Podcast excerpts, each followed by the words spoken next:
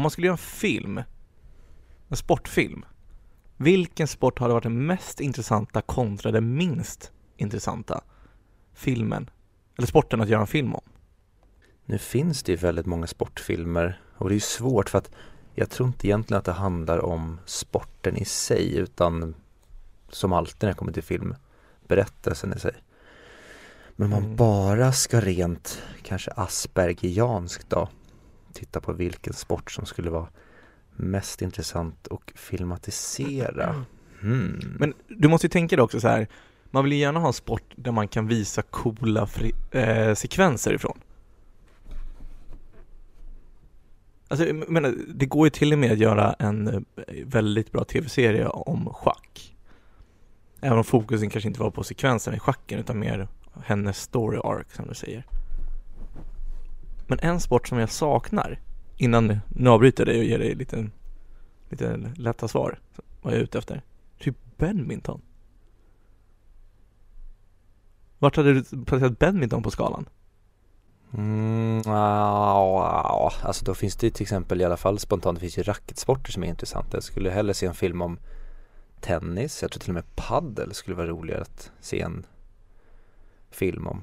Eh, Ja. För där, det med badminton, där har vi ju bollen, den kan ju sväva långsamt i luften på ett dramatiskt sätt men det går ju att få genom att i tennis, det går ju att dra ner så att det blir slow motion och då får man ju samma effekt som det blir när badmintonfjädern är i luften. Jag vet inte, jag bara tänker högt här nu. Men just, jag vet inte, racketsport. Jo, jag, enda tennisfilmen jag kommer på det är ju Borg vs McEnroe Mm. och sen även, eh, vad fan hette den? Seven Days in Hell eller något sånt här av Lonely Island-gänget. Ja, den känner jag igen. Men grejen med tennis tycker jag, alltså jag älskar ju alla racketsporter, jag gillar tennis också. Men det är ju inte så jävla kul att kolla på alltid. Det är ju väldigt mycket stön och slå tillbaka bollen. Medan jag vill ha mer såhär något trixigt, alltså pingis badmintonhållet, där det går snabbt och det är mycket tricks och det är snabba fötter. Ja, det är det i tennis också, men inte på samma sätt. Men det är just det att eh, racketsport kanske då har för mycket begränsningar. Att det, det är ett väldigt rakt och vad ska man säga repetitivt spår i matcherna. Om du tar typ som kanske Ja men ta med, ta, om du bara stoppar in lagidrott då istället för där du spelar ofta singel eller max en dubbel. Då kan du få så jäkla mycket mer komplexitet i sekvenserna och det blir inte lika repetitivt tänker jag. Mm. Alltså ett anfall i fotboll eller hockey ser ju mer annorlunda ut än en forehand eller backhand i en racketsport. Mm. Men om vi avslutar intro introt med vilken är den bästa sportfilmen ute just nu? Ute just nu, då menar du alltså alla racketsport, eller racketsport, alla sportfilmer Ja, som, har, som har gjorts. Det är Hmm. jättesvårt, vi kommer glömma Oj. någon. Alltså det finns ju några favoriter som jag kommer på just nu. Remember the, Remember the Titans, Coach Carter, Moneyball.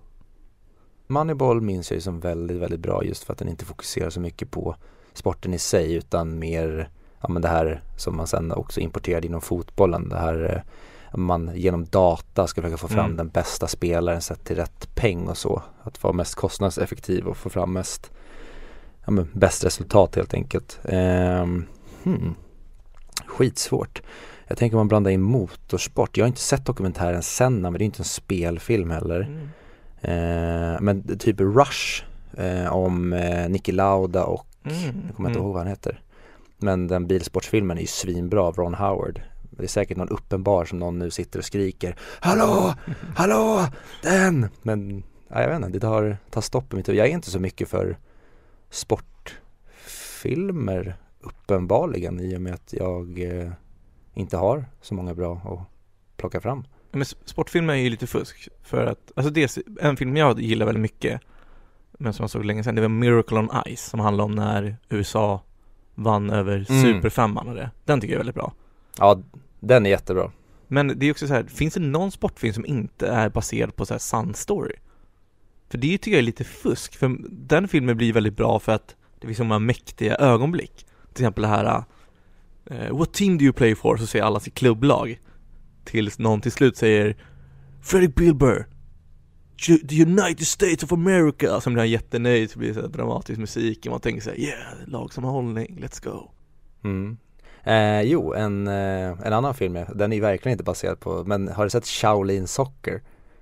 Nej, jag har hört talas om den Det är väl samma som gjort eh, Kung, ehm, den här, vad fan heter det? Åh, det finns någon sån här eh, kinesisk, asiatisk kampsportsfilm. Det, är- det, är ja jag vet vilken du menar, den heter ju också typ, den heter ju typ Shaolin. Ja men det är samma koncept liksom, det är De gör jävligt avancerade eh, kampsports och akrobatiska kombinationer i liksom fotbollsmatch och så blir det nästan att du går åt det här anime manga hållet med mm. Det går nästan åt liksom power hållet Jag såg den för väldigt länge sedan men jag minns den som väldigt underhållande och rolig Ja, ja. Men eh, vad säger vi? Heja Sverige, let's go, nu kör vi Heja Sverige!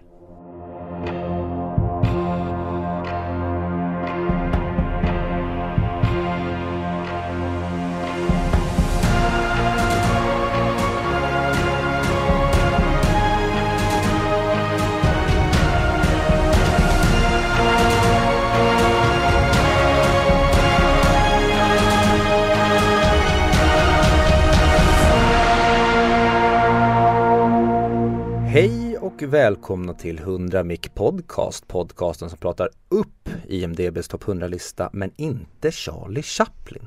Verkligen inte Charlie Chaplin Verkligen, verkligen, verkligen inte. Vi är då podcasten som eh, pratar upp IMDBs topp 100-lista och vi görs även i samarbete med Moviesin.se, Sveriges största filmmagasin på nätet. Jag heter som vanligt Viktor och med mig som vanligt har jag Mig Fredrik Välkommen till min podcast Fredrik. Danke danke Och vi har då kommit till placering 19 på listan och vi ska idag prata om eh, Kurosawas Seven Samurai från 1954. Men eh, det ska vi inte göra än utan jag tänkte börja med att fråga dig Fredrik eh, Hur har ditt filmtittande varit sen sist? Väldigt Det är ju EM När ska jag ha tid att kolla på film förutom den här filmen Som var tre och en halv timme lång När ska jag ha tid med det Viktor? Jag vet inte, det var en väldigt dumt ställd fråga så därför tänker jag ställa en annan fråga till dig. Jaha. Om du idag hade fått välja en uppföljare på en valfri film, vilken film hade du då valt? Den är ju jättesvår tycker jag Att svara på Men Mhm. För det är så här, man Jag kan ju ta klassiker. Jag jag kan ju svara Inception. För det hade varit coolt. För det är en cool värld. Eh, Jag kan ju också ta typ Gone Girl För jag vill se vad som händer senare. Men det känns ju också så att de filmerna Men som vill du det då? Ja men exakt, det är det jag alltså Vill jag verkligen? För de, de filmerna kan ju förstöras också. Sen eh, Så jag vet inte riktigt nu En film som jag hade velat se en uppföljare på Det är Inglourious Basterds Fast i ett annat krig. Det Mm. hade jag velat se. Ja, att det blir som ett, ett universe. Ja, att de så här åker in och infiltrerar någon annanstans. Antingen om att ta ett existerande krig eller gör det i ett annat. Eller i ett eh, fiktivt. För Mm, annars, e- eller, annars är det så här Jag hade velat se en, fler Sagan om ringen. Jag hade velat se fler Star Wars. De är så här tråkiga Du fick ju fler Sagan om ringen och fler Star Wars. Ja men jag vill se ännu mer Viktor. Alltså Och jag vill se dem bra. Och jag vill se mer Game of Thrones. Eh, Alltså mer, mer från de så här världarna som finns. För Alltså nummer ett anledning till att jag vill se mer av någonting Det är när de har byggt upp en värld som är intressant och man vill veta mer om. Och det är sådana jag också tycker är kul att läsa om lore. Det är som Game of Thrones Sagan om ringen, Star Wars. Det är kul att läsa runt omkring, vad, vad mer finns det där, vad att hämta? Men annars, för jag försökte tänka igenom de vi har pratat om på listan Och det är typ inget jag kommer fram till Som vi ser mer av. Det kanske är Dangal och se om han börjar träna fler människor Åh, där hade vi den perfekta sportfilmen ju. Ja, varför sa vi inte den? Det är min favoritsportfilm Ja, Ja. lätt. Nej jag vet inte, har du någon bra? Jag har faktiskt funderat på det här fram och tillbaka och jag går ju, går ju till dem, till mina favoritregissörer och tänker vad har de gjort för filmer som det faktiskt skulle funka att göra en uppföljare på utan att det på något sätt skulle riskera eller förmodligen sabba ja, den filmen vi har fått då. Och då jag tänkte såklart på Gone Girl, nej, hade aldrig gått för att det lämnas så perfekt som det görs. Och samma sak som du sa med Inception, nej det hade förstört för då hade vi fått veta Alltså definitiva svar och jag vill inte utforska det utan jag vill ha den här heisten som vi fick se i Inception. Du vill inte ha midichlorians? Fast Inception-världen? Ja, jag, alltså helst skulle jag vilja ha en uppföljare på Episod 3 som är en resa med Yoda och eh, Obi-Wan när de ska ta reda på midichlorians ursprung. Och så ska de forska tillbaka och hitta eh, vem Shmi Skywalker faktiskt låg med för att bli gravid. Fan vad coolt! Och den ska heta Star Wars Episod 3,5 The Search for the Rapist.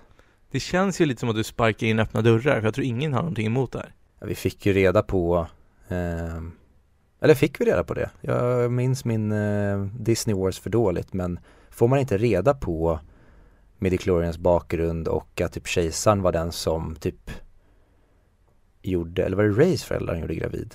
Nej, jag, fan, jag vet inte.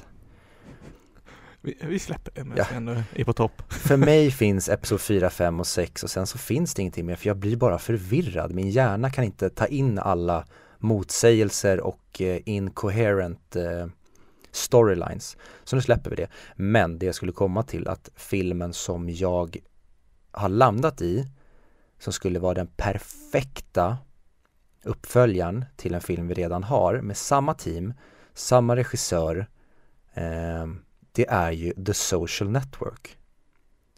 För där vi slutar i Social Network det är så jäkla tidigt i Facebooks historia så att det har typ hänt så mycket mer på tiden från där Social Network slutar tills idag än vad som händer i Social Network. Så det finns otroligt mycket om vad som händer med Facebook efter det att berätta. Mm.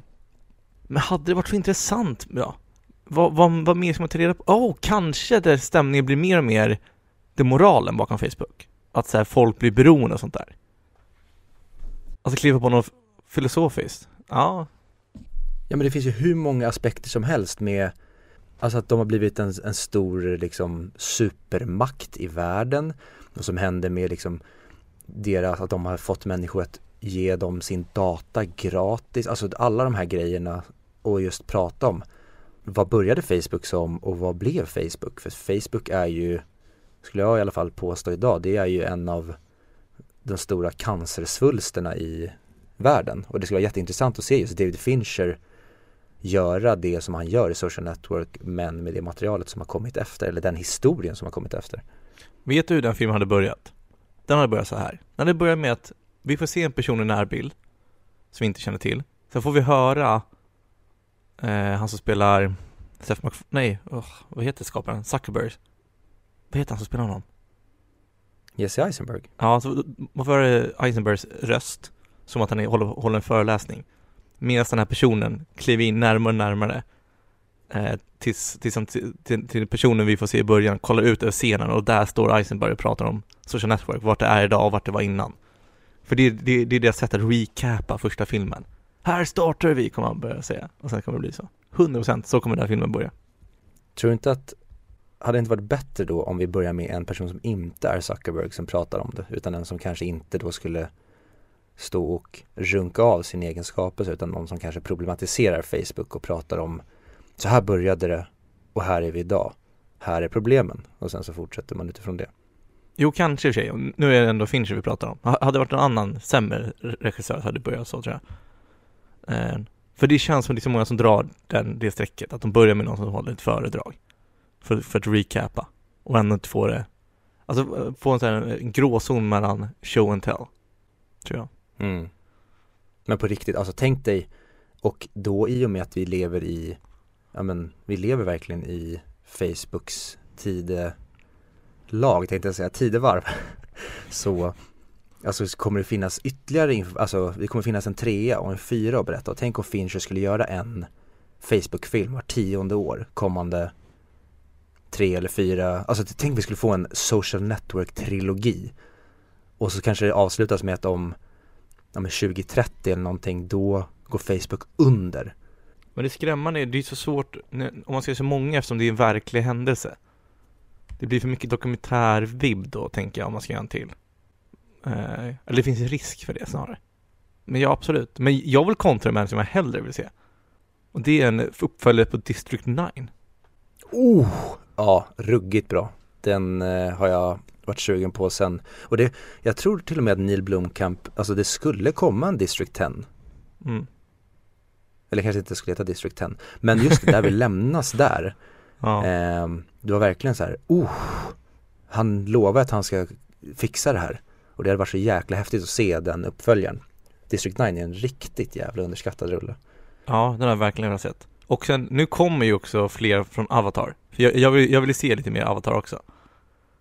Eh, även om inte det alltid är jättemånga som kanske hyllar Avatar.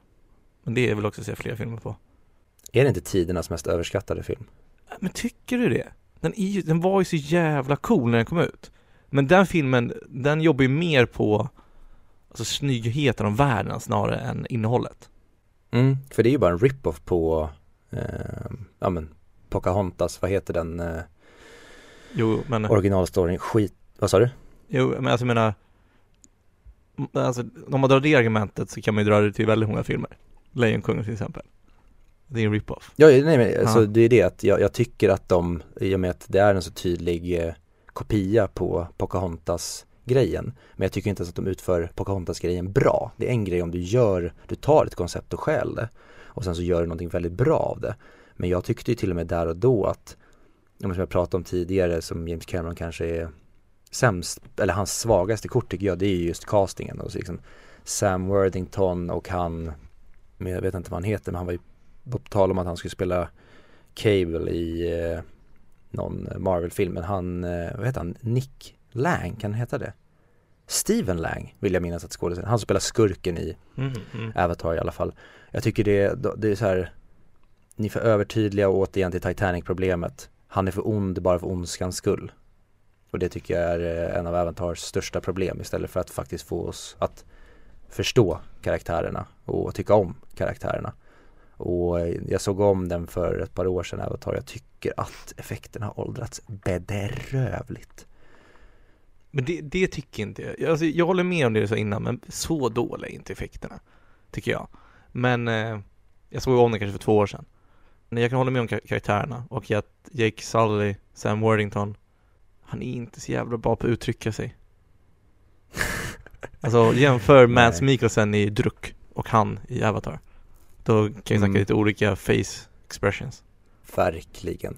Och det leder mig in på någonting annat jag såg, eller jag tänkte dra jämförelse med, jag såg eh, Josh Tranks eh, Fantastic Four häromdagen och jag tycker att eh, Sam Worthington är lika bra på att uttrycka expressions som eh, The Thing, eller vad han heter, är i den. Ser bara ut som en stor jävla klump med stenar. Fan vad dåliga båda Fantastic Four-filmerna är alltså. Eh, ja, vad bra att du eh, gjorde en häftig, cool segway över där. För jag tänkte faktiskt prata om eh, just Fantastic Four, eller Josh Tranks Fantastic Four. För det finns Mm. en jättebra film där. Men, eh, och vi vet ju att den filmen blev ju väldigt eh, produktionsknullad på många sätt. Att Josh Trank fick inte göra sin vision som han hade tänkt den för den är jättekonstig för det är en helt okej rulle. Tills de egentligen åker in i den andra världen och där bara vet jag inte riktigt vad som sker. Därifrån blir den liksom 1 av 5. Men jag tycker att den, den, det finns jättemycket intressant där. Och vad jag har förstått det så skulle e- egentligen Josh Trank göra en mer så här body horror film. Att den skulle fokusera på mer vad som händer med dem eh, när de har utsatts för det här. Till exempel, men vad fan gör det med dig när du, dina armar, eller du kan liksom bli hur elastisk som helst eller du blir eh, ja, med transparent eller som The Thing eller vad den heter, att du faktiskt blir en stor jävla stenbumling. Och de grejerna med praktiska effekter hade kunnat vara skithäftigt att se. Men nu blir det den här klassiska jävla CGI-bonanzan med bedrövliga effekter som slutar med Beam in the Sky som alla jävla superhjältefilmer och det är en skitfilm. Men det finns verkligen ett embryo till någonting väldigt, väldigt bra i den tyckte jag nu när jag såg om den. Mm. Ja, kanske. Alltså, men det är så här, trailern såg jättelovande ut, men jag fattar. Jag vet inte. Det var bara väldigt tråkig film att kolla på. Så gillar jag inte Toby Kebbell som Dr. Doom heller. designen på Dr. Doom är ju typ det värsta i hela filmen förutom eh, CGI-effekterna som blir liksom, vad fan ska man säga, alltså typ Spy Kids från här, 2003. Ja, men är, vänta. Ja, just det, han är fan med i Rock'n'Rolla, Toby Kebbell. Där är Mm. han suverän tycker jag. Där är han precis den rollen han ska ha. Men annars vet jag inte om jag gillar han så mycket filmer. Gillar du honom i Apornas planet? Där han spelar, eh, han spelar väl han, eh, den dumma apan, vad heter han? Boga? Koga? Hoga? Nej, jag kommer inte ihåg vad han heter. Men han som uppenbart med ärret över ögat som är den dumma apan spelar ju Toby Jaha. minnas. Och jag vill minnas att han har en eh, människoroll i en av filmerna också. Men jag gillar Toby Kebbell. Eh, jag tycker Ja. han är helt okej i Fantastic Four även fast eh, ja det är, det är flera begåvade skådisar i den filmen som eh, uppenbarligen inte vet vad fan de håller på med där. Men, och jag, jag håller med om designen, bedrövlig. Ja, för det är alltså eh, Dr. Doom har en så klassisk och häftig design, alltså i comic book-formen. Varför inte Verkligen. använda den? Varför göra någon ful jävla, ja jag vet inte, det är bara bedrövligt. Men Ja. från en sak som är bedrövlig till en annan sak som är helt jävla bedrövlig. Jag såg även om eh, Ridley Scotts The Counselor häromdagen. Har du sett den? Jo, eller vänta nu. Vilken är det? Det är med Michael Fassbender, Cameron Diaz, Penelope Cruz, eh, Javier Bardem, Brad Pitt Ah, nej. Det är inte det jag tänkte på.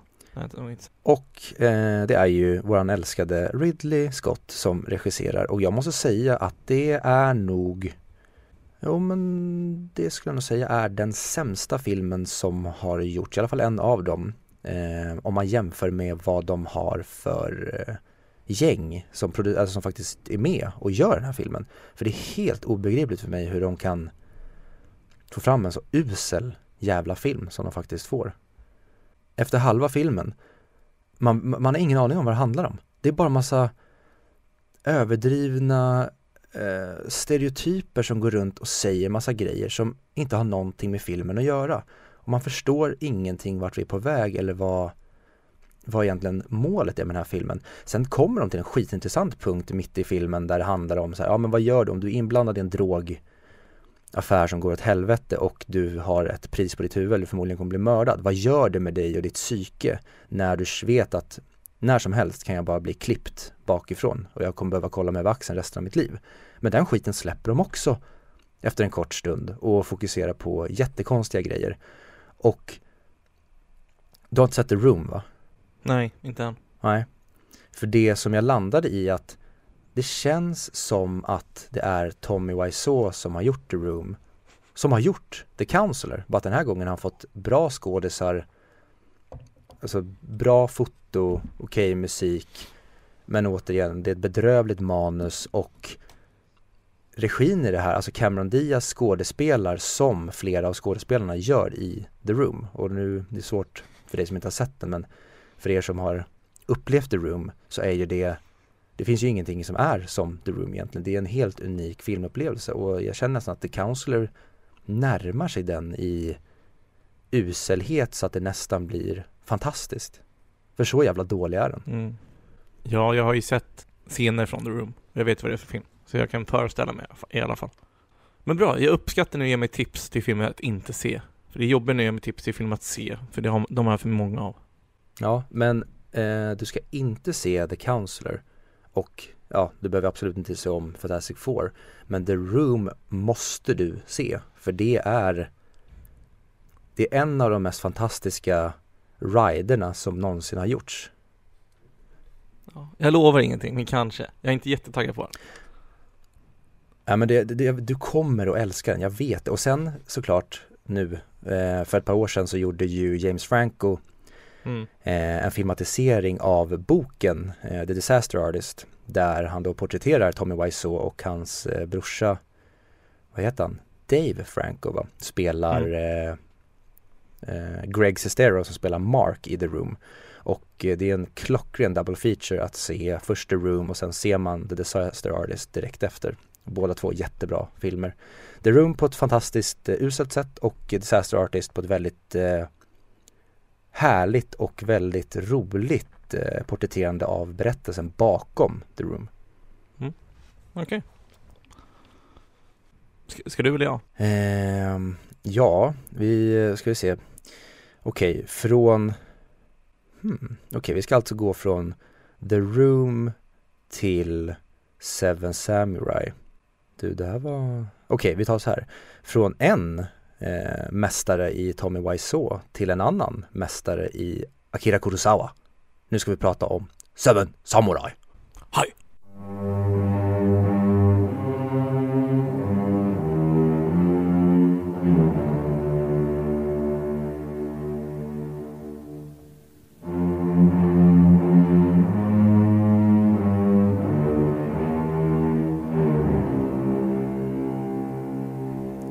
Och nu har vi kommit hela vägen fram till filmen. Och den här veckan ska vi prata om eh, Akira Kurosawas Seven Samurai från 1954. Eller som eh, den heter på japanska Chichinin no Samurai. Så nu förstår ni också vilken film jag pratar om, ni som bara talar japanska. Då tänkte jag fråga dig Fredrik, eh, nej just det, vi drog ju i förra veckans avsnitt så tog vi våra förväntningar. Vi, efter en eh, lyssnarrekommendation så gjorde vi så att vi nu ska testa att vi kör våra förväntningar i eh, avsnittet innan så att vi inte har dem med filmen i bagaget utan vi pratar om våra förväntningar innan vi ser om filmen. Mm. Men däremot, det jag glömde säga då, tror jag, är att jag hade hört talas om den här filmen innan och jag har för mig att de skulle göra en remake på den här. För jag kommer ihåg att jag gillade själva grundidén. De behöver värva sju samurajer som ska försvara mot jättemånga. Ja men det gjordes ju en remake på den här, har du sett den där filmen eh, A Bug's Life? Ja, jag undrar om du drog samma skämt. För jag har för mig att jag nämnt det innan. Jag minns inte varför och då har jag för mig att du sa samma grej. Eller så har jag drömt det här. Jag tror att jag har drömt det för det var någonting jag upptäckte nu när jag såg om den. Jaha. Och det finns ju även, vad heter den, The Magnificent Seven tror jag det finns en westernrulle som heter också som, som ska vara en rakt av rip-off på den här. Men det är ju, det här är ju den filmen som som jag har förstått det har lagt grunden för egentligen alla episka filmer idag och som kom efter den här. Det här var den första filmen av sitt slag som gjorde den här stora resan med slag och där vi får se krig porträtteras på det här sättet. Alltså don't quote me on it men det är det jag har förstått genom att läsa att det här är verkligen den som satte standarden för the modern epic. Sen är frågan om vi hade upptäckt det ändå, eller inte. Men eh, absolut kan det ha varit så. De, de största regissörerna idag om du tar Scorsese, Tarantino eller till och med kanske den största George Lucas. De pratar ju om Kurosawa som ja, men kanske deras favoritregissör och håller den här filmen som hans bästa och kanske den filmen som har influerat dem väldigt mycket i deras filmskapande. Till exempel Star Wars är ju väldigt, väldigt influerad från Kurosawa. Men, det, men jag kan ändå förstå det, för de är ändå uppväxta med det här.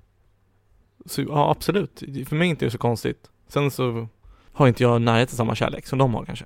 Nej, och det är ju svårt att just kliva in och se en sån här film när vi ändå har fått, ja men framförallt de regissörerna som alltså verkligen beundrar honom, när de har skapat sina filmer. Då har ju de tagit det som de älskade med honom och kanske förfinat det eller gjort sina takes på det vilket har gjort att, ja men som med många filmer som är äldre, att man ser vad de gjorde men man tycker att sånt som har kommit efter har gjort det bättre och man kanske attraheras mer av modern teknik etc. och så flera. Ja, ni förstår helt enkelt. Ja men det här är ju så här exemplet på en film som vi har, näm- vi, vi har nämnt det innan men det var länge sedan vi pratade om det. Att IMDB borde ha två listor. Topp 100 filmer jag helst vill se och tycker det är bäst att se. Och topp 100 som har gjort mest för filmvärlden. Och som har varit så här, alltså när de kom ut, hur bra och coola var de då?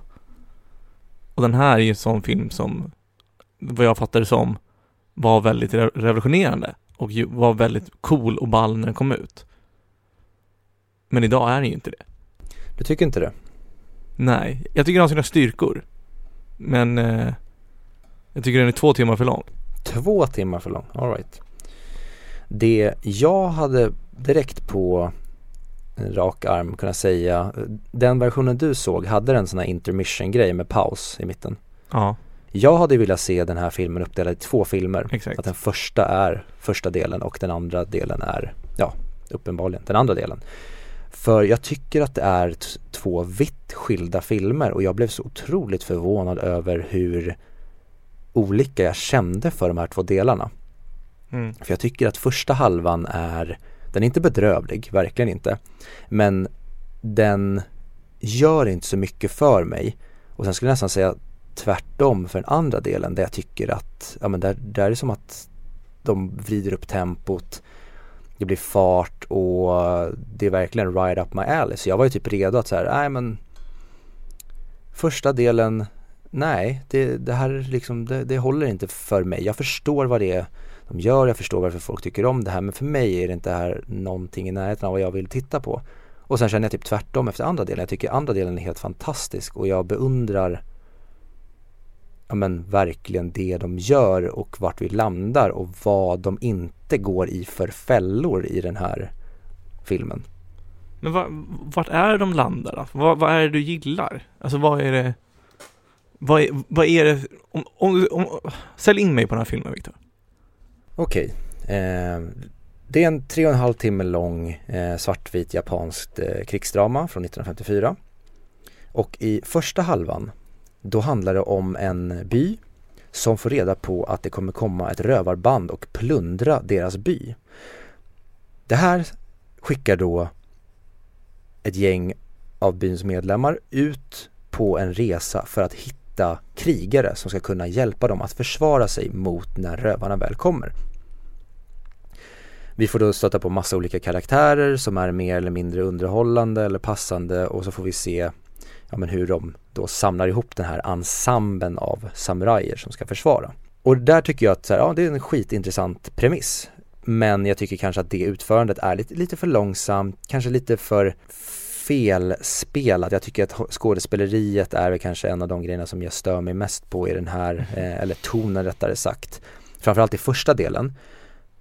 Men sen när vi kommer till andra delen, då är det ju då vi får se med hjälp av de här krigarna och självförtroendet som skapas i den här byn när man känner att man har krigare i ryggen som kommer hjälpa en när det blir tufft så ser då den här byn till att faktiskt skapa ett väldigt starkt och sammansvetsat samhälle som sen när rövarna väl kommer ser till att genom strategi och noggrannhet och sammanhållning besegra det här rövarbandet och sen så efter när det här är över då så kommer då att byn att ja, frodas och växa och de kommer leva och må väldigt mycket bättre än vad de gjorde innan den här filmen började helt enkelt. Och det som jag tycker är filmens absolut största styrka det är att de inte går de här fällorna med att säga, åh nej, nu är det sista sekunden här som, ja men om vi ska bara klaga på en film, ta till exempel hur det läggs upp i Två tornen när de fightas i Helms Deep att mm. fuck nu rider vi ut mot döden. Och sen så råkar det vara just tajmat när Gandalf står upp i backen och räddar dem. Sådana grejer tycker jag inte att den här filmen går i samma fällor utan på grund av att de är smartare, mer taktiska och jobbar med sina styrkor som de har så besegrar de hyfsat enkelt den här fienden på ett sätt som, ja men vad skönt att ni använde hjärnorna för en gångs skull och att inte bara ni blev helt galna och sprang runt och massa offrades i onödan. Det känns verkligen som en kalkylerad strategi och det är det som verkligen vände mig i andra halvan. Typ så. Tappar inte i prestigen då? Alltså att man får inte den här belöningen som man kanske får i Sagan ringen som man får såhär Åh nu kommer han, wow! Nu är det över egentligen. Utan här blir mer såhär, jaha, nu är det över. Både ja och nej, för jag tycker att den här filmen saknar ju det här det episka, överdramatiska och jag gillar att den nästan ibland känns, alltså dokumentär. Att det känns som att vi verkligen är på 1500-talet i Japan ska det väl vara. Det känns som att vi verkligen är i den här tidsperioden förutom skådespeleriet som jag tycker är väldigt, väldigt överdrivet och det är väl den grejen som egentligen jag kanske kommer vänja mig om jag ser den här filmen fler gånger men här och nu så var det så här Fan vad ni hela tiden ska ta i. Det känns nästan som, har du sett Yrrol? Ja, men jättelänge sedan. För då finns det en sketch där i där de spelar då familjen Cosby fast då blir det Cosby-linen, de är finnar istället mm. och så är de målade i blackface. Ja. Och då är när pappan eh, springer ut på gatan och ska ropa på hjälp när han springer runt och ropar Rasta muttan! Då tycker jag att Mm. många i den här filmen skådespelar som han gör, de har väldigt stirriga ögon, väldigt högljudda. Men jag tycker att just den här känslan som filmen levererar och att det inte blir upplagt för så tydliga scener utan det är egentligen bara saker som pågår. Det är en presentation av de här händelserna. Det gillade jag verkligen när jag lärde mig att förstå med filmens ton och tempo. Och sen gillar jag verkligen de här anime och manga-flörtarna till till exempel hur de springer, kroppsspråket.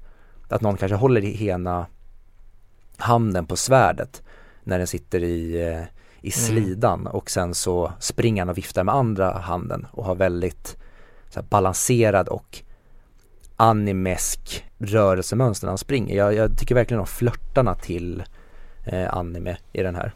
Men det kan jag hålla med om. Jag hatar ju alla ansiktsuttrycken och skådespeleriet i den här. Förut, förutom på typ, eh, alltså Kambei, alltså han, han som är munken i början och ska, som rakar av sig, ledan. Mm. Han gillar jag genom hela filmen. Men han, eh, alltså bonden, Manso, alltså hans uttryck, jag vill, åh, jag, jag vet inte Alltså jag, jag, jag blir så irriterad när jag ser den här filmen och han är med. Ja, och det är så jävla roligt också när eh, han blir skjuten och avslöjar sin dotter. Ja. För, Ja. Och så bara, men vänta, skärp dig nu, för fan det där är bara en scratch. Och så har han sålt ut sin dotter för att han var överdramatisk bara. Nej, jag, jag håller med. Vissa, vissa karaktärer i den här filmen vill man ju bara slå ihjäl för att de är, ja men dåligt skådespelade bara. Och han samurajen som hoppar runt hela tiden.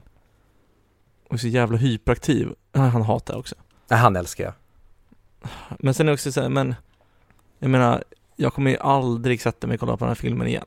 Det här är ju en film man ska kolla på om man uppskattar film. Och vill typ studera så här liksom, men hur såg det ut förr i tiden? Vad föddes idag? Men jag skulle inte säga att man måste se den här. Tycker du det? Tycker du att det är en film så här som att om du går ut till folk och säger så här, åh det här är en film du måste ha sett innan du dör. Eh, skitsvårt. Alltså verkligen när jag sett den första gången så kände jag att så här, aldrig igen den här jävla skiten.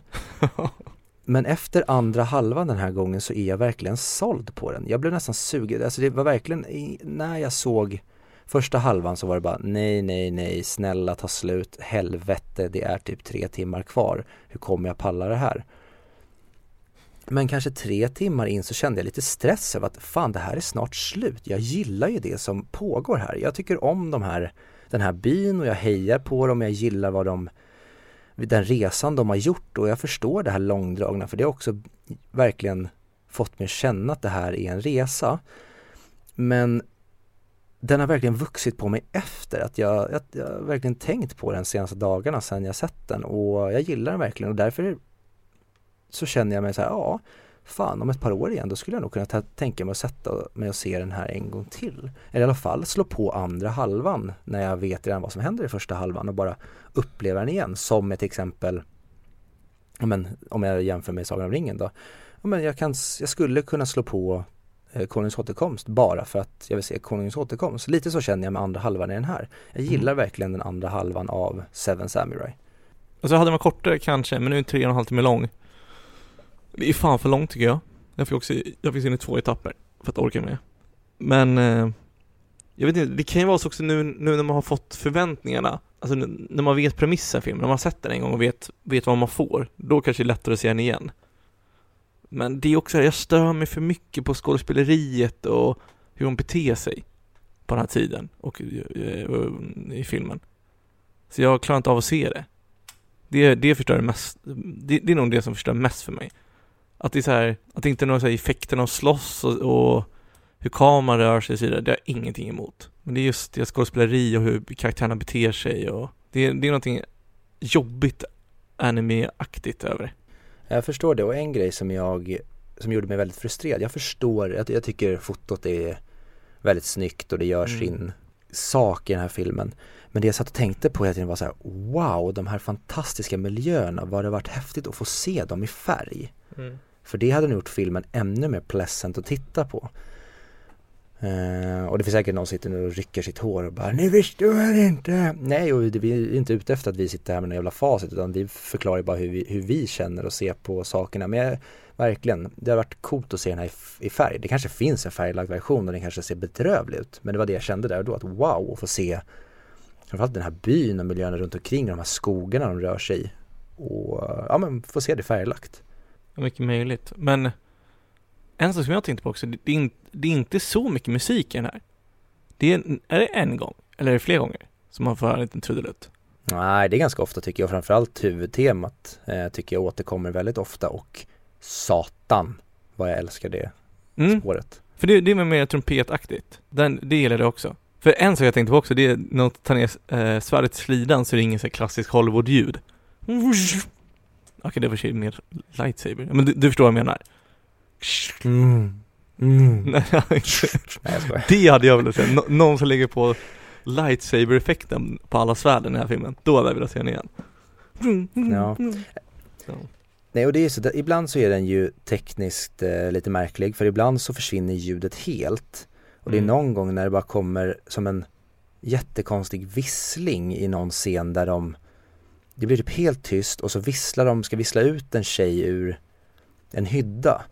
Och där förstår jag inte riktigt varför de visslar så jäkla ihärdigt för att alla andra borde vakna och sen tänka att är det verkligen en vissling i filmen eller är det musiken som är pålagd konstigt? Vissa grejer sådana, det, det är kanske jag som är helt dum i huvudet men det gjorde mig förvirrad. Det Mm. finns vissa scener där man tänker att Jaha, nu försvann allt ljud här.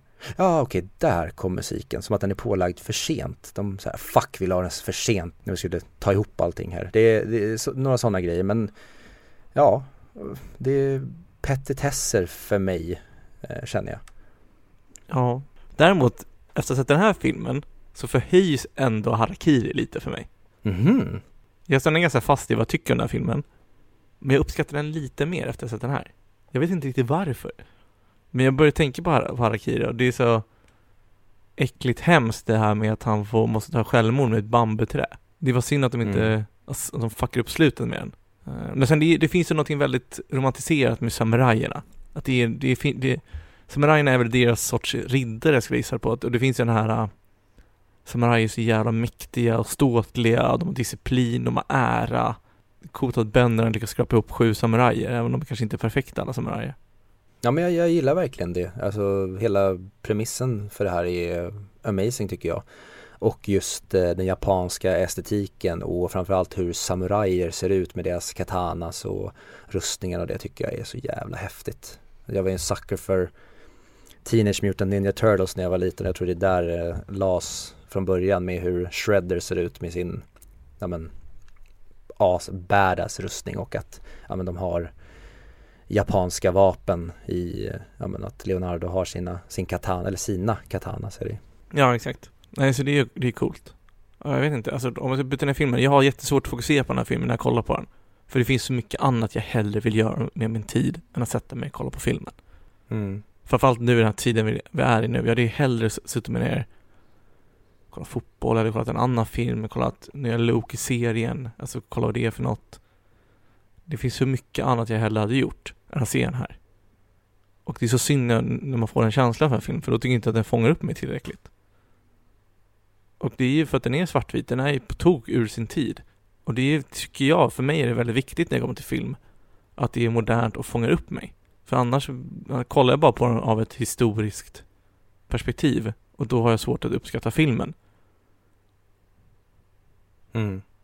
Ja, jag, jag, alltså jag håller verkligen med dig och jag hade önskat att den här filmen kanske kommit på listan, som du säger, när det inte är sommar och nu råkar det vara ett fotbollsmästerskap som både du och jag är intresserade av att titta på utan Mm. ja men i en, säg en regnig november hade det varit perfekt Mm. och då kanske i ett state där man känner sig att ja, men nu ska jag ta mig an den här filmen eh, för det är också en, en paradox med den här podden det är ju att vi vill ju se de här filmerna men det blir ju också påtvingat för att vi ska släppa ett avsnitt varje vecka och då måste man sätta sig och se den och ibland så kan det vara så att man verkligen inte har lust utan det blir som påtvingat och då kan det finnas en större uppförsbacke i till exempel sådana här filmer som är lite inom citationstecken svårare. Mm. Helt plötsligt kommer en film som man säger, åh, ja, jag måste se den här. Sen bara, jävlar, det här var fan en bra film. Mm. Och då är det ju jättekul. Men eh, som jag sa i förväntningarna, jag, tre och en halv timme svartvit japansk film från 50-talet. Säg, alltså, det finns inte en enda person som känner att det pirrar i kroppen när de får höra den pitchen. Nej, då måste du nog vara invigd på det spåret tidigare. Du kan inte vara en random filmtittare som egentligen, ja men kanske kollar IMDBs topp 100 men har sett de mest populära på topp 100. Du har skitit i Dangal, Harakiri, alltså Mm. sådana typer av titlar. Das Boot till exempel eller ja men du tar filmer som kanske inte är lika modernt popcorniga som många av de här filmerna är. För att ta till exempel Seven då. Mm. Om jag får vända på det här lite och vara lite positiv till filmen. Så tycker jag det, det är alltid, det som är mest imponerande med de här filmerna som är lite äldre. Det är deras dedikation till filmen. Alltså att han, eh, Akira Kurosawa, har gjort ett släktträd till alla 101 invånare i byn. För att få de här statisterna att kunna spela sina roller bättre. Alltså att de lägger ner så mycket tid på, på alla detaljer. Tycker jag är så sjukt imponerande. Mm. Jag kan tänka mig att han, han, han har gjort det på massa sådana här saker, alltså när, när de designar hur alla ska se ut och att varje enskild karaktär av de här sju samurajerna är ju byggd på historiska samurajer som har existerat. Och de, de gjorde tydligen flera månaders research på det. Mm. Och det är så här små prickar över i en som får en film att faktiskt bli mycket bättre. Nu är det ju som sagt återigen synd att det är det teknologiska och det, och det som spelar mycket roll för mig. Att det teknologiska och hur man skådespelar på den tiden. Mm. Ja men att det, det blir nästan som en japansk history pick i det hela. Just när man får vi reda på att researchen är så jäkla välgjord och Ja men att det är så, för att idag till exempel, ja men då hade man kunnat komma undan mycket med CGI men här är allting verkligen på riktigt, du måste bygga allting på riktigt och jag gillar så otroligt mycket av foto till exempel när de är, ja men i, i närbild så har du, ja men gänget då, the, the fellowship of samurais och sen i bakgrunden så ser du på långt, långt avstånd hur deras, de här hyddorna eller ladorna, hur de brinner. Att det är sånt jäkla långt, de spelar in den här scenen på en plats, sen är det liksom flera hundra meter bort, där brinner de här husen på riktigt. Ja. Och det skapar liksom, verkligen en, en äkthetskänsla som få filmer idag gör. För att idag då hade du bara CGI-at eld där borta. För det är Mm. mycket billigare och mycket enklare och mycket säkrare. Men här måste du verkligen göra det på riktigt och det känns rakt igenom tycker jag. Samma sak med, ja, men som du säger med statisterna. När de inte är synkade, det blir så otroligt mycket bättre då tycker jag än när det är ta, återigen, jag vet inte varför jag bärsar på typ en av mina favoritfilmer någonsin men återigen de tar typ Sagan om ringen där alverna rör sig helt synkroniserat. Jag tycker Mm. det är coolare när det finns det här mänskliga, till exempel om tar Rohan-krigarna. När gubben inte lyckas hålla upp pilbågen och kan släppa pilen på Urukajen.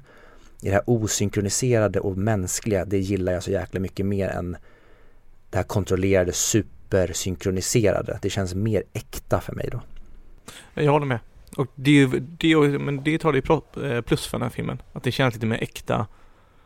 Alltså det känns äkta men inte på ett Braveheart-töntigt sätt. För Braveheart känns äkta men på ett fult sätt. Det här känns äkta på ett fint sätt. För det här är ju mer äkta för att nu får man se det här i din by, det är bönder, de är fattiga. Och ändå får de upp, de kan ändå bygga schyssta saker. Braveheart, nej, usch, det var bara ful film. Tycker jag. Skitsamma, det ska vi inte basha där mer. Eh, men vad, Jo Ja. men eh, en grej jag vill lägga till. Mm. Braveheart kan dra åt helvete. Så, nu har vi Bra. fått med det också. alltså det är sjukt, jag börjar hata Braveheart så jävla mycket. Men det är också lite av mitt hat till Mel Gibson tror jag.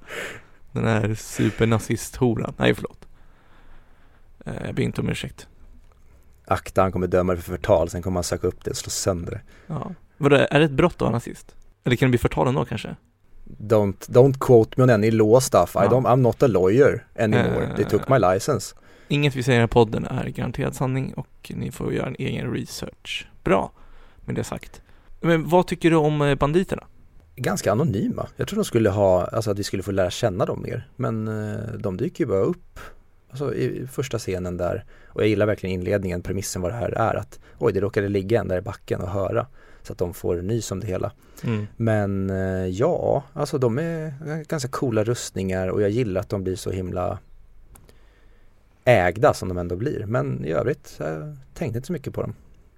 Nej men det var lagom tycker jag. Det var, jag, jag, det var en bra aspekt tycker jag lägga till att de hade gevär. För det var så här, det räcker inte med att göra perfekt, de har fortfarande gevär, så de har fortfarande hot mot oss samurajer. Kanske jag ville haft Nej, jag tror inte jag hade velat haft dem mer nyanserade heller. Det räcker med att de bara är i våra ögon onda, tycker jag. Det hade de bara gjort i filmen jobbigare om det varit så här, jo men de har också barn de måste ge mat till. Ja, ja men precis, i den här filmen så behöver vi inte det. Det är Nej. en grej om du faktiskt skulle kunna få en sida av, ja men återigen, jag vet inte varför jag går tillbaka, nu går jag tillbaka till den bedrövliga delen av Sagan om ringen-världen, men om du tar typ Azog i Hobbit-filmerna. Mm. I don't give a fuck om vad han har varit med om eller var han kommer ifrån eller vem som är hans fasters morsas systers brorsa. Alltså det är helt jävla ointressant för mig. Jag vill att Azog ska vara en läskig, eh, ett, som Sauron, ett hot, nu får vi reda på mycket om Sauron också men det känns som att vi blir för familjära med Azog att han till slut bara känns som en CGI-klump som jag var så här, ja ja, nu dök han upp och sa Unga balla bunga. Jaha, Mm. okej, ja, då var inte han så läskig längre. Eh, och det tycker jag, det här hotet är, i och med att vi inte får se dem så mycket så är de läskigare i fjärran. Man vet aldrig när de kommer komma. Mm, exakt. Det blir mer som ett hotet som vi inte vet om. Det är, alltså White Walkers är ju perfekt av det i Game of Thrones. Mm. De är ju asläskiga för man inte vet ett skit om dem förutom de kommer där i tysta och bara stirrar på dem. Fan det var en bra serie. Mm. Eh, har du något mer du vill prata om med Seven Samurais? Nej, jag känner mig väldigt nöjd. Jag är eh, mätt och belåten. Du då? Nej, helst inte alltså. Du vill bara lägga det här bakom dig och gå vidare. Ja, men typ. Jag känner så här att solen skiner och det gör fan inte filmen. Filmen skiner inte mycket alls. Men då säger jag som, då säger jag som dvärgarna i The Hobbit. Give us a number! Så ge mig ditt fucking betyg. Ja, men 6 av 10. Gud vad intressant, för jag satt exakt, Så, så det är samma? jag satte exakt samma betyg när jag såg den första gången. Jaha, okej. Nej men det- är ju det jag säger att Återigen, det kan ju vara någon som bara slår på sig. Åh men Seven Samurais är en skithistorisk film, har gjort hur mycket som helst. Det här avsnittet ska jag lyssna på, så har de ingen aning varför jag sätter 6 av 10. Och det är ju för att jag sätter utifrån hur mycket jag njuter av filmen. Jag, hur mycket jag vill se filmen. Och jag vill aldrig se den igen. Jag vill bara säga, ja nu har jag gjort det skitkul och kunna prata om och skryta om sina vänner, att man är en riktig jävla seriös filmälskare och senast. Men det är jag ju inte. Men jag vill inte se den igen. Och jag vill ju typ hellre se tra- alltså, Transformers 2 än den här. Tyvärr. Sen är det här fortfarande en bättre film kanske än den. Men eh, 6 av 10. Förtjänar definitivt att vara på någon topplista över historiska filmer som har gjort mycket för filmvärlden. Och har varit för sin tid. Men jag uppskattar inte tyvärr. Mycket på grund av ja, längden, stilen och framförallt skådespeleriet. Jag kan acceptera det. Tack. Du då? Give me a number. What's in the box? Of numbers. Eh, in the box, eh, jag känner mig som eh, Magnus och Brasse. De tog upp siffror och djur och grejer ur lådor. Mhm. Det har varit väldigt roligt att göra någon slags, om någon var duktig på effekter, och göra, eh, vad heter den, en ska bort eller eh, ja vad fan heter det, Lattjo lådan så heter det ju. Och sen så plockar han upp, eh, eller man klipper in kameran ner i lådan och där ligger Gwyneth Paltrows huvud istället. Och så sätter han upp det och så säger han en ska bort. Okej. Ja, mm. Fortsätt. Det är bara sånt jag, jag vill se, jag vet inte. Ja. Var, jag sa inte det där, jag bara, jag bara tänkte högt. Jag borde spärras in. Nej men jag, som jag sa, jag satte 6 av 10 på den här första gången och jag skulle nog sätta idag, och det är jättesvårt, jag vet inte. Jag vill sätta en 8 av 10 men jag tycker inte om första halvan och jag Alltså det är ändå, man måste bedöma den som en helhet, jag kan inte bara välja kapitel i den här. Nej, det blir en 7 av 10 men andra halvan tycker jag är 8 av 10. Så första, första halvan 6 av 10, andra halvan 8 av 10 och därför landar jag på en 7 av 10. ja, men rimligt. Jag tycker fortfarande idén och bakgrunden till hela filmen är svinbra tycker jag. Hade den varit modern och tre och en halv timme lång hade jag typ kunnat plåga mig igenom den. För jag, jag, jag gillar grundprincipen i idén. Och det är, också, det, det, det är kul när man kollar på mer moderna filmer. För alla moderna filmer har ju förkortat ner den här rekryteringsprocessen. Det är ju nästan montage istället. Och det känns som det är det de har lärt sig från den här filmen. I och med att du säger att första halvan var tråkig också. Mm. Ja men eh, alltså vad säger man, halvera första halvan då. Mm. Och gör det, den tajtare och sen så behåller ni andra halvan som det. Då hade det varit verkligen en film right up my alley. Och sen, jag vet inte, jag, om jag skulle se om den om ett par år då kanske jag växer ytterligare och sen kanske jag en dag sitter där och förstår vad alla cineasterna pratar om när de och alla regissörer när de pratar om det här som en av de mest eh, inflytelserika filmerna i historien och en av de bästa filmerna i historien enligt dem. Men jag är inte där än. Nej. Så ingen eh, topp 250 för mig heller för jag tror att jag har fler än 250 filmer som är eh, betyg 8 Mm. eller högre. Okej. Så, och eh, då ska vi fortsätta med våran, eh, vad heter det, prediction inför nästa veckas film för då ska vi eh, prata om One Flew Over Cuckoo's Nest från 1975 med eh, Jack Nicholson i huvudrollen. Har du sett den här tidigare Fredrik? Det är det här som jag, jag inte minns om det är att jag har sett den eller läst boken. För jag vet storyn, men jag är fan osäker på om jag har sett den filmen, utan jag har bara läst boken. Och den minns jag som otrolig. Så jag har väldigt höga förväntningar. Mm. Jag med, det är en av mina favoritfilmer. Så jag är, eh, eller förlåt, jag har verkligen inte höga förhoppningar. Jag är väldigt, väldigt, väldigt rädd för att se den här nu och inte alls tycka om den lika mycket som jag gjort tidigare gånger. Men det jag minns av den är att den är helt jävla fucking unbelievable. Mm. Ah fan, den är jag taggad på. Nu kör vi! Eh, och för er som skulle vilja se den så går den inte att se på någon streamingtjänst. Den går inte att hyra på någon streamingtjänst men den går att köpa digitalt på Apple TV, Rakuten TV och Blockbuster. Så att eh, ni får väl göra samma sak som eh, vi gjorde med Druck. Nej, vilken film var det vi eh, gick och handlade på? Var det Seven? Nej, Seven gick ju att se någonstans. Nej, det var väl filmen Ciudad Gudstad? Det känns som så otroligt länge sedan. Ja, Eh, ja, men eh, ja, ni får gå till, eh, vad heter det, Hemmakväll och eh, hyra den där eller så hittar ni den på andra påhittiga och uppfinningsrika sätt helt enkelt. Mm. Innan ni gör det så kan ni väl eh, stänga av podden nu. Eller så lyssnar ni klart. Och så går ni in och sätter ett betyg. Ni kanske också kan skriva, alltså, för det är garanterat folk som eller jag tror inte att man kan bli sur på oss i och med vårt, vår logik och hur vi argumenterar om betygssättningen på den här filmen, Seven Summarize. Att det är inte en superunderhållande film om man jämför med det som kommer ut idag. Eh, men om ni har en annan poäng eller, hur, eller vill att vi ska se på ett annat sätt, skriv till oss. Vi, vi är öppna för, att, eh, för kritik. Med 100 mycket podcast på Twitter, Instagram, Facebook eller mejla oss på 100 gmail.com.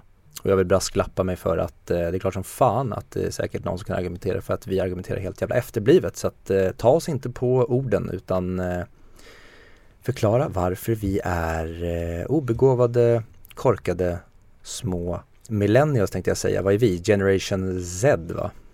Ingen aning. Antagligen. Vi är idioter helt enkelt och det är så ni får lyssna på den här podcasten. Ska vi inte börja provocera folk istället och säga att vi vet bäst? Vi är seriösa filmälskare som kan allting. Ja men det gjorde vi ju när vi gick, vi gick ut och attackerade Charlie Chaplin men de som ar- blev arga det var ju uppenbarligen inte lyssnare, det var bara folk som blev skitförbannade på att Hur kan ni hata Charlie Chaplin?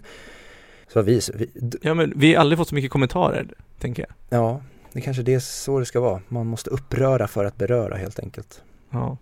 Vilket bra samhälle vi lever i idag. Men eh, det kanske hade varit bättre att sitta på en eh, mental institution och vara fullproppad med medicin så att man inte känner någonting.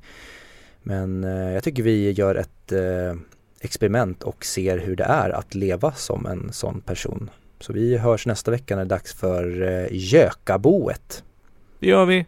Ha det bra till dess. Harakiri! Harakiri.